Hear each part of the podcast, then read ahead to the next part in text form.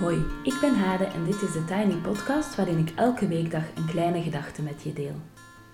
Vandaag is het woensdag 29 april 2020 en de kleine gedachte gaat over verhuizen en een plek voor jezelf. Ik ben voor de liefde verhuisd van Leuven in Vlaanderen naar Haarlem in Nederland. En daarover schreef ik het volgende stukje voor de wijkrand, met daarin, en daarin focus ik vooral op het verschil tussen wonen in een dorpje en wonen in de stad.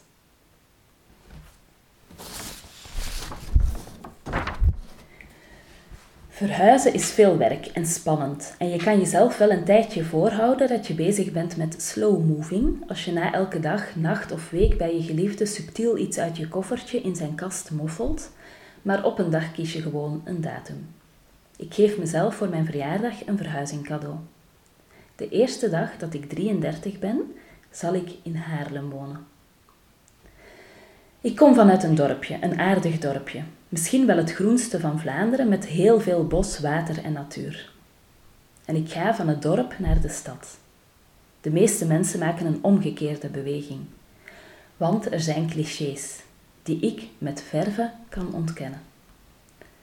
In een stad heb je minder persoonlijk contact. Alles is anoniemer.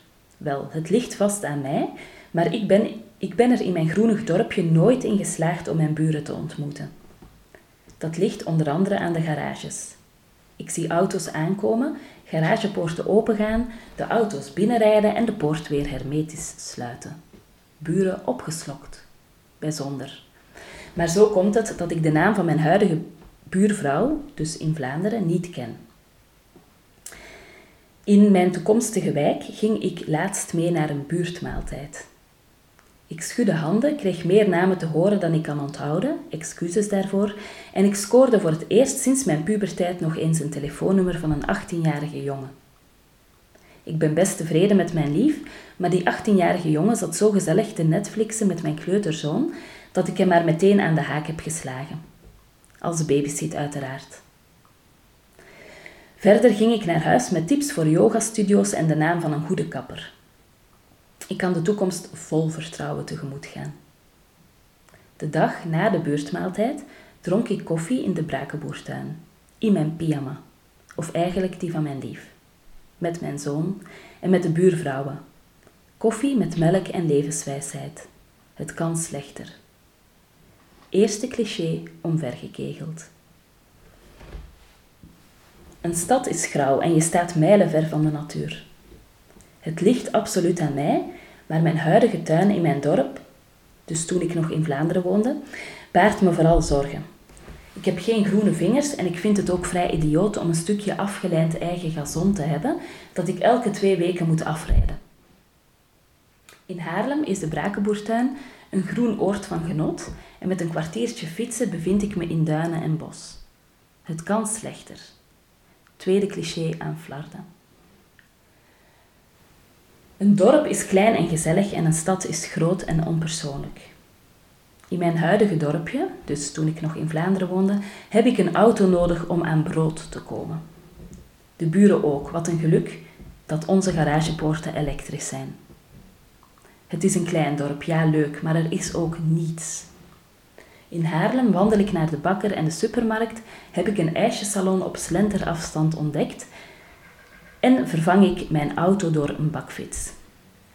Een mooie microcosmos die stad, het kan slechter. Derde cliché, opgeborgen en opgeruimd staat netjes. Ik word dus een citygirl de dag na mijn 33ste verjaardag.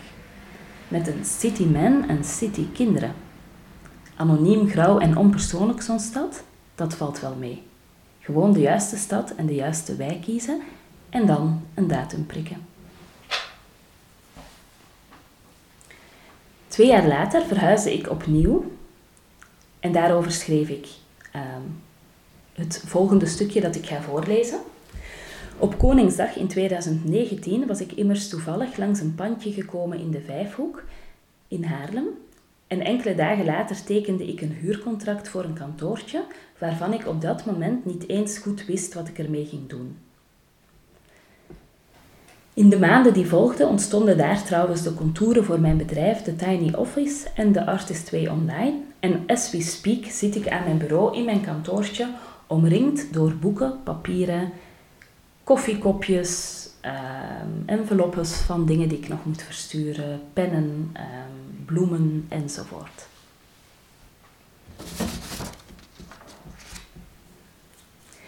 De tweede verjaardag van onze verhuizing naar Haarlem is geruisloos voorbij gegaan. Na een periode van subtiel een jurkje achterlaten, een boek en een tandenborstel besloten we destijds echt te verhuizen. Omwille van de smalle straatjes in Haarlem, weinig zin om die met een verhuiswagentje te blokkeren, en omwille van het feit dat ik veel van mijn spullen wegdeed, leek het toen een goed idee om over een langere periode heen de auto verschillende keren vol te laden en telkens een deel van de spullen over te brengen. Het was enerverend en het slechtste plan ooit. Maar het was een zachte overgang. Het huis in België werd steeds leger en het huis in Haarlem steeds voller. En nu verhuis ik weer naar de Vijfhoek. Niet om te wonen, maar wel om te werken. En deze keer niet met een auto vol spulletjes per keer, maar met een bolderkar vol boeken. De Vijfhoek voelt als wijk anders dan onze eigen wijk, Heiliglanden de Kamp. En Audi klinkt er door de straten, die nog smaller zijn.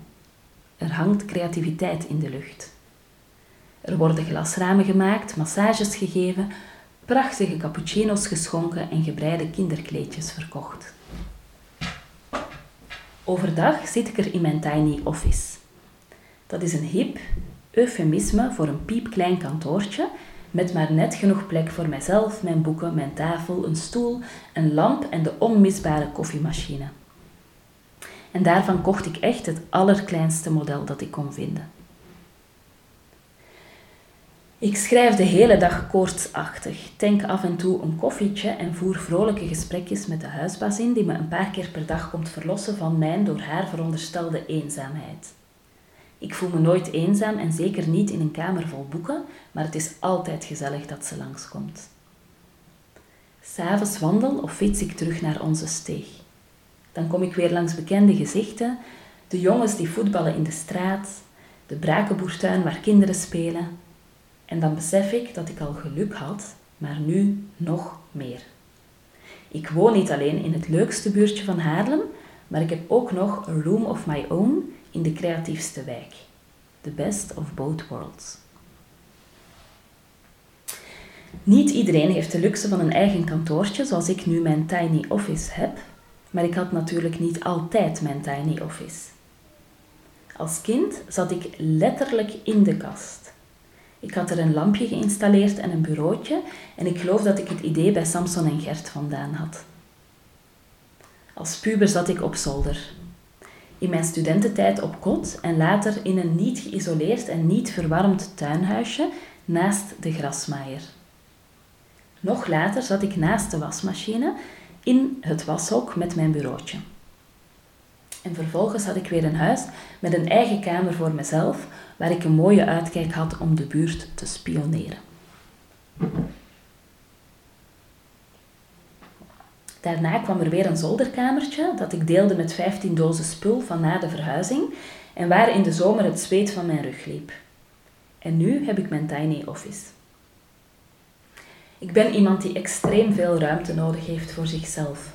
En dan bedoel ik niet eens een grote ruimte, maar de mogelijkheid alleen te zijn en niet gestoord te worden. Daar ga ik dus noods voor in een kast zitten. Ik hoor het ook vaak van mensen in mijn cursussen. Tijd en ruimte alleen zijn heel belangrijk om mentaal gezond te blijven. Dus mijn tip: claim het washok, de bezemkast, het tuinhuis, een hoekje van de slaapkamer of de logeerkamer. Of ga op je bed zitten en neem daar je tijd om te schrijven, te dromen, te prutsen, na te denken, te knutselen, te lezen, om warme koffie of thee te drinken en sublieme stukjes chocolade te eten. Ik had uh, deze tip gedeeld in mijn uh, maandenbrief die ik elke maand uitstuur uh, waarin allerlei dingetjes aan bod komen. En ik kreeg die dag als reactie een prachtige foto van een vrouw die haar eigen plekje heeft in een serre, een glazen huisje in haar tuin. En dat zag er echt, echt heerlijk uit. En ik kreeg ook een appje van een vriendin die vertelde dat zij in haar gemeenschapshuis, waar, waar ze dus met veel mensen en ook andere gezinnen samenwoont, dat zij lekker op de wc gaat zitten als ze tijd voor zichzelf nodig heeft. Schrijven is een activiteit die vraagt om eigen tijd en ruimte, maar schrijven is ook een activiteit die helpt om die tijd en ruimte te nemen. Ik vroeg laatst aan mensen om me te vertellen wat schrijven voor hen betekent. En ik heb verschillende reacties gekregen, maar ik wil er alvast eentje voorlezen. Nu moet ik even mijn papieren ordenen. En de reactie die ik wil voorlezen is van Kim Marlier. En ehm, ik ga het gewoon eerst even voorlezen en dan iets vertellen over Kim. Kim zegt dit over schrijven. Ooit las ik een quote over wandelen. Wandelen is de haast uit je hoofd halen en kijken wat er overblijft. Nu klopt dat wel voor wandelen, maar nog meer voor schrijven. Mijn hoofd is in kalme momenten goed te vergelijken met een uitgelaten labrador die rondjes rent. Het is zelden stil. Maar wel wanneer ik mezelf parkeer met een pen en een notitieboek. Dan wordt de volumeknop van mijn gedachten wat zachter gezet, gaat die labrador even soezen in zijn mand. Door het schrijven sorry, kom ik vanzelf bij wat voor mij belangrijk is, door woorden te geven aan ongrijpbare gevoelens. Schrijven is de haast uit je hoofd halen en kijken wat er overblijft. En Kim helpt ook andere mensen uh, hun verhaal op punt te krijgen als copywriter. Je kan haar terugvinden op www.opdei.be.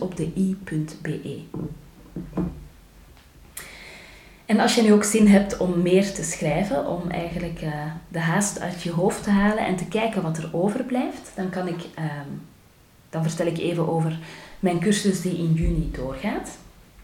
Want ik start in juni met een 30-daagse online cursus en die heet 30 Days of Morning Pages. De morning pages of ochtendpagina's zijn een bekende tool uit de Artist Way.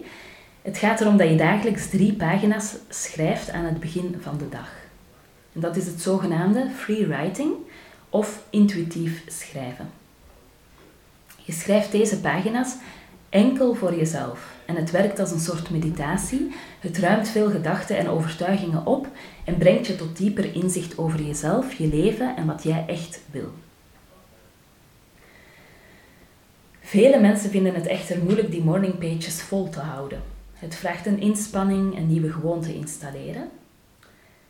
Als het confronterend wordt, is opgeven heel verleidelijk en soms is het ook gewoon saai of gebeurt er een tijdje minder dan je zou willen. Of je denkt het kapot waardoor je vastloopt.